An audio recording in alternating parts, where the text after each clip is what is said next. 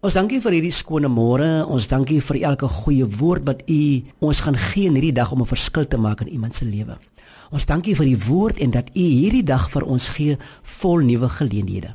Amen. Liewe luisteraar, welkom by nog 'n aflewering van ons hooftema hierdie week, hoe kinders van die Here lewe en ons gaan vanoggend kyk na God se kinders gee. Handelinge 20 vers 35. Ek het julle alles getoon dat ons deur so te arbei die swakkes moet help en die woorde van die Here Jesus Christus moet onthou dat hy gesê het dit is saliger om te gee as om te ontvang. Ek dink elke luisteraar gaan met my saamstem dat die gelukkigste dag in jou lewe is jou verjaarsdag, want dan word jy oorlei met geskenke. En wie kan nou van my verskil dat dit maar net 'n onbeskryflike gevoel is om presente te kry. Maar weet jy wat u nog gelukkiger maak om iets weg te gee?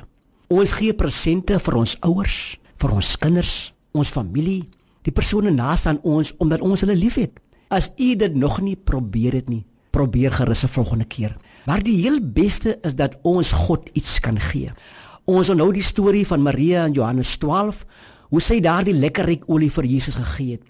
Ons onthou ook die storie van die Israeliete het God vir hulle gesê om vir hom 'n tabernakel te bou. En God het gesê, elkeen wat wil, kan iets bring om die tabernakel mooi te maak. Julle mag goud en silwer bring, julle mag hout en mooi stukke materiaal of diervelle bring. Julle mag juwele of lekker ryk speserye bring. Almal was bly om vir God se tabernakel presente te bring omdat hulle God liefgehad het. Nou ontstaan die vraag: Waarom was hulle so bly dat hulle die geskenke vir God kon bring? Omdat hy so baie vir hulle gedoen het. God is die groot gewer. Alles wat ons het, het hy vir ons gegee. Daardie nuutste voertuig op die mark wat u bestuur, die luukse ruimhuis met soveel geriewe waarin u woon, die posisie wat u beklee by u werk, alles wat u het, het God aan u gegee. Ek sê gewoonlik vir my gesin, Alles wat ons het, het ons ontvang uit die hand van die Here. Ons bestuur dit maar net. En ek herinner hulle telke male daaraan dat ons dit nie van selfspreekend moet aanvaar nie, maar om dit te waardeer. As ons iets gee, is ons so klein bietjie soos God en dit maak ons gelukkig. Die vraag vanoggend is: wat kan ons gee en vir wie kan ons gee? Ek raak opgewonde in my hart wanneer ek hierdie vraag antwoord.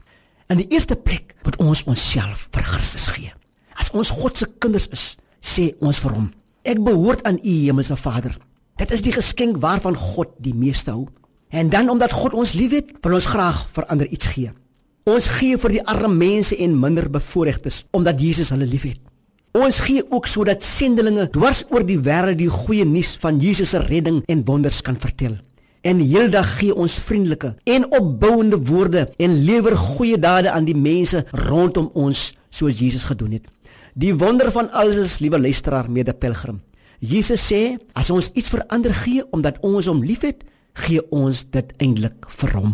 Is dit nie wonderlik dat ons regtig iets vir Jesus kan gee soos Maria gegee het nie? Ons kan ook vir Jesus wys hoe lief ons hom het.